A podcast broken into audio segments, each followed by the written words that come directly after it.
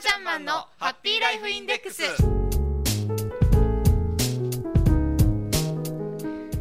FP タナちゃんマンのハッピーライフインデックス。この時間はあなたの夢と未来をトータルサポートするライフサポート有限会社の提供でお送りします。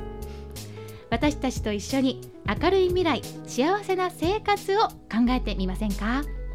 タナちゃんマンからの幸せになるメッセージもお届けできると思いますよ。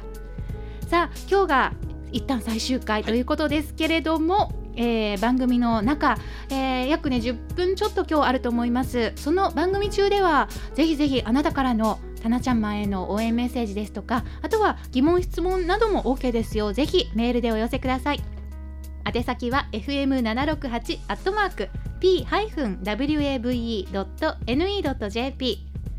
fm768 アットマーク p-wave.ne.jp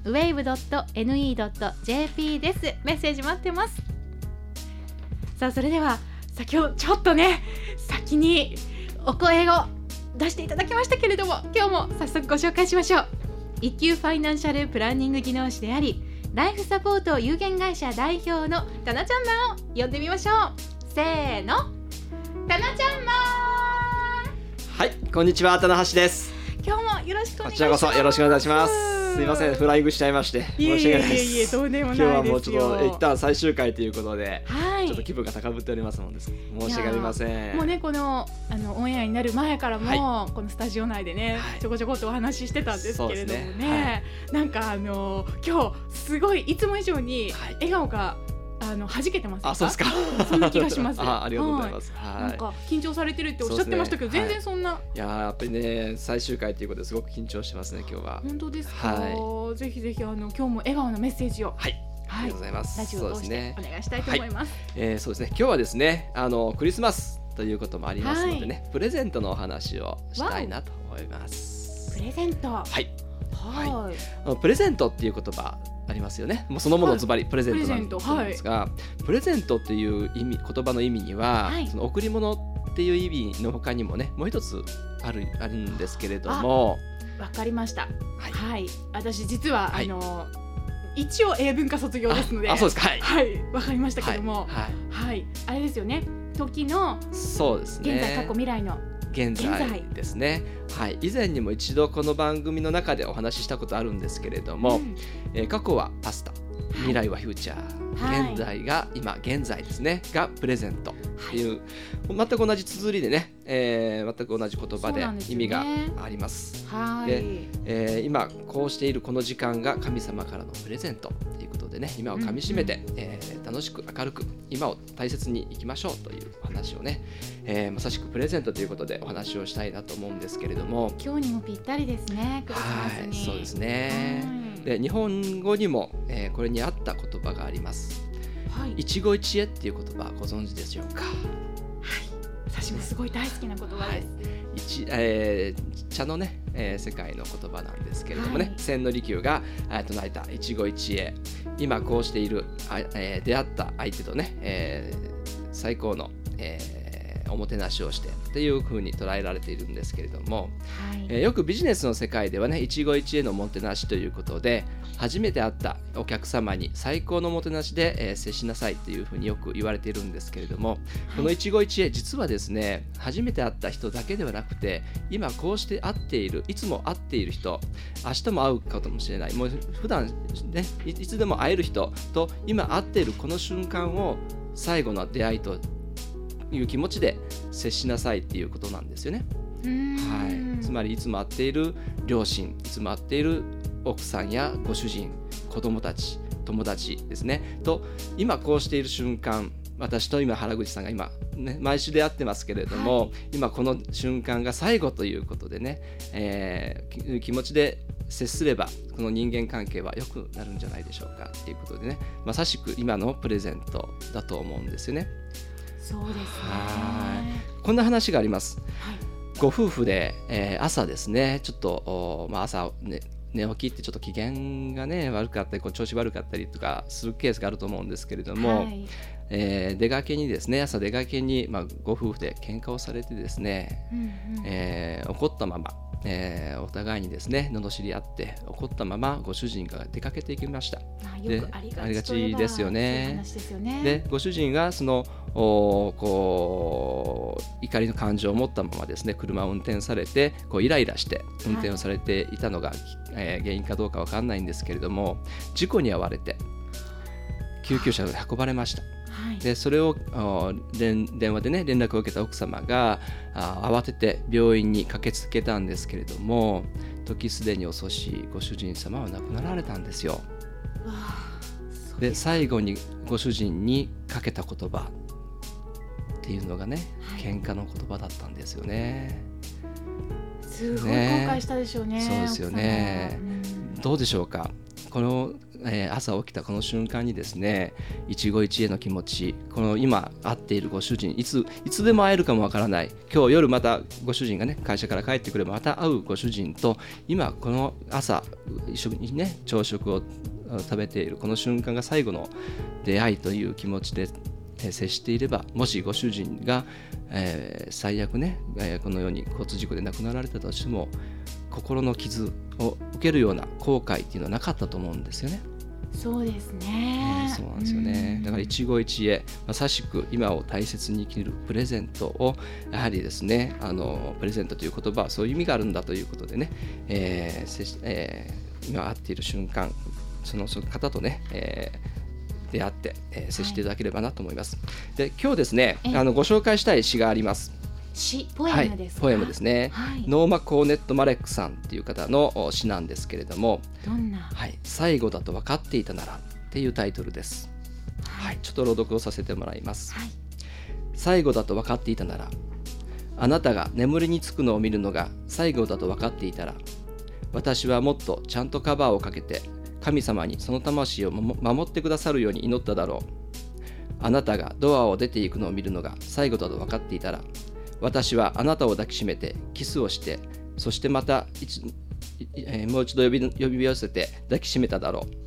あなたが喜びに満ちた声を上げるのを聞くのが最後だと分かっていたら、私はその一部始終をビデオに撮って毎日繰り返し見ただろう。あなたは言わなくても分かっていてくれたかもしれないけれど、最後だと分かっていたら、一度だけでもいい。あなたを愛していると私は伝えただろう。確かにいつも明日はやってくる。でも、もしそれが私の勘違いで、今日で全てが終わるのだとしたら、私は今日、どんなにああなたを愛しているか伝えたい。そして私たちは忘れないようにしたい。若い人にも年老いた人にも明日は誰にも約束されていないと約束されていないのだということを愛する人を抱きしめられるのは今日が最後になるのかもしれないことを明日が来るのを待っているのなら今日でもいいはずもし明日が来ないとしたらあなたは今日何を後悔するだろうか？微笑みや抱擁やキスをするためのほんのちょっとの時間をどうして惜しんの惜しんの惜しんだのだとか忙しさを理由にその人の最後の願いとなってしまったことをどうしてしてあげられなかったのかと。だから今日あなたの大切な人たちをしっかりと抱きしめよう。そしてその人を愛していることいつでもいつまでも大切な存在だということをそっと伝えよう。ごめんね。や許してね。やありがとう。や気にしないで。を伝える。時を持とう。そうすればもし明日が来ないとしてもあなたは今日を後悔しないのだろうから。という詩なんですよね。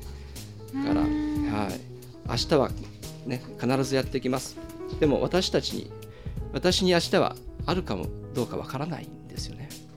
これは若い人にも年老いた人にも男性にも女性にも言えることで、はい。はい、今まさにこの瞬間を大切に生きていきたいなというふうに思います。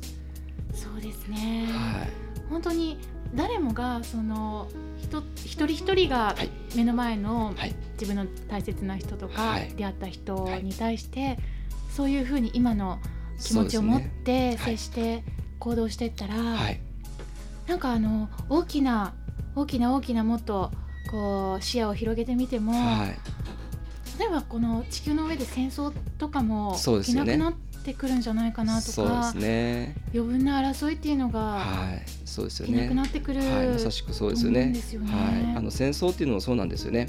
あの一人一人みんな正しさを主張し合うと戦争が起きちゃうんですよね。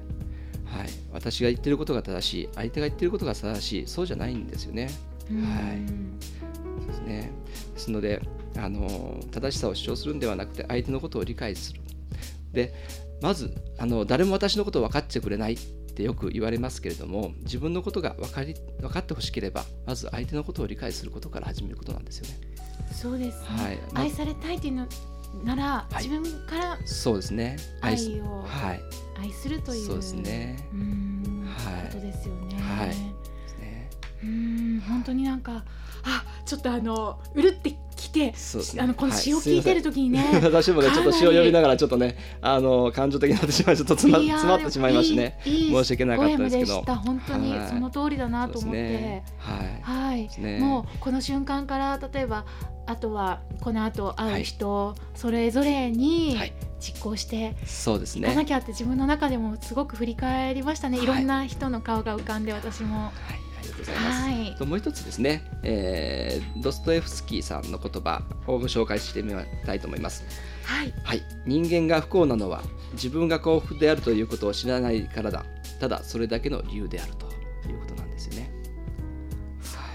だから今この瞬間を大切に生きる。それで今出会っている人を大切にする。そうすることによってね、えー自分の幸せっていうのを感じることができると思います。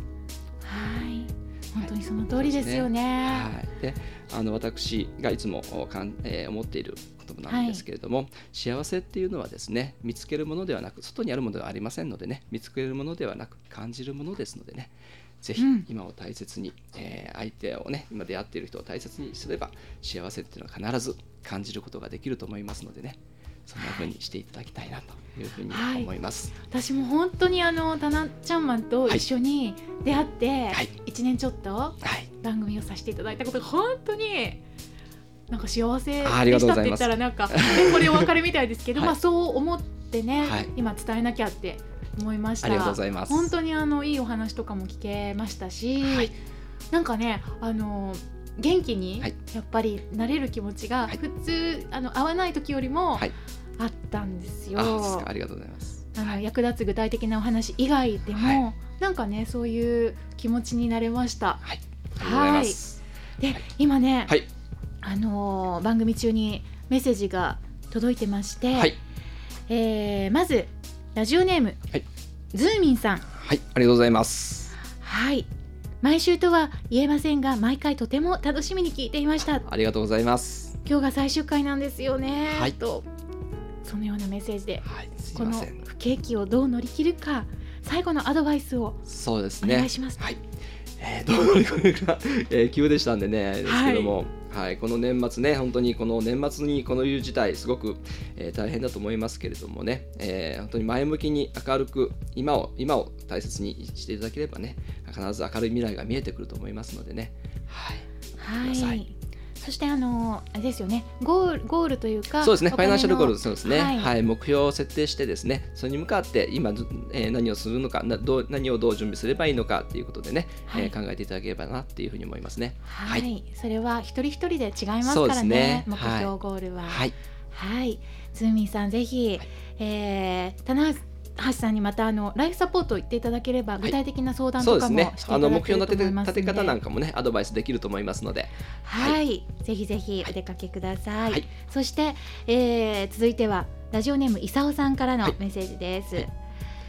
えー、たなちゃんまんへといい話とかいつも聞いていました、ありがとうございます。えー今週で最終回と聞いてびっくりしました、はい。また復活を望みます。はい、ありがとうございます。はい。結構びっくりされたという方が、ね。例えば先週聞き逃してしまねったら、はい、そうですね。今聞いてえー、と思っている方が多いのかもしれませんよね、い。さんどうもありがとうごあざいます。復活望む声が結構ありますので、わかりました。復活して。くれるかななんて話も思ってますし、ははい。い、あと,、えー、と匿名希望さんから、はい。いつも参考になる話で興味深く聞いていますと。あありがとうございます。はいね、今日で一旦最終回ですけれども、ですね。でもこのような応援メッセージとか本当に、あのいつも話が楽しみでしたという声がたくさん届いていますのはい、でね、ありがとうございます。またいつか必ず戻っていきたいと思いますのでね。はい、まだいつかはいわかりませんけれども、皆さんとおお会いできることを楽しみにしてはい。おります。タナちゃんマン、はい。えー復活にこうご期待、はい。という感じですね。はい、ありがとうございます。そして今聞いていただいてたこの声はい。を通じてのその出会い一期一会もはい、そのあなたとのそうですね。ちゃんマンとのは出会い素ですから。敵な瞬間ですもんね。そうですね。はい、はい、ありがとうございます。ます。さあ今日が本当に、えー残念ながら最終回ということですけれども、えー過去の放送分復習したいなという方は、ぜひライフサポート有限会社のホームページチェックしてください、はいえーこちらでいろいろと前の分を聞いていただけますし、えーあとは検索エンジンで「タナちゃんマン」と検索すると簡単に出てきますので、はい。タナちゃんマンのブログもはい。とっても心温まるメッセージがありますからね、はい。こちらもチェックしてくだはい、おさい。願いします。FP タナちゃんマンのハッピーライフインデックス。この時間はあなたの夢と未来をトータルサポートするライフサポート有限会社の提供でお送りしましたそれではまたいつかポートウェーブでもそして、えーこの四日市の街でも、はいタナちゃんマンにお会いしたいと思います、します。ありがとうございましたありがとうございました。失礼します。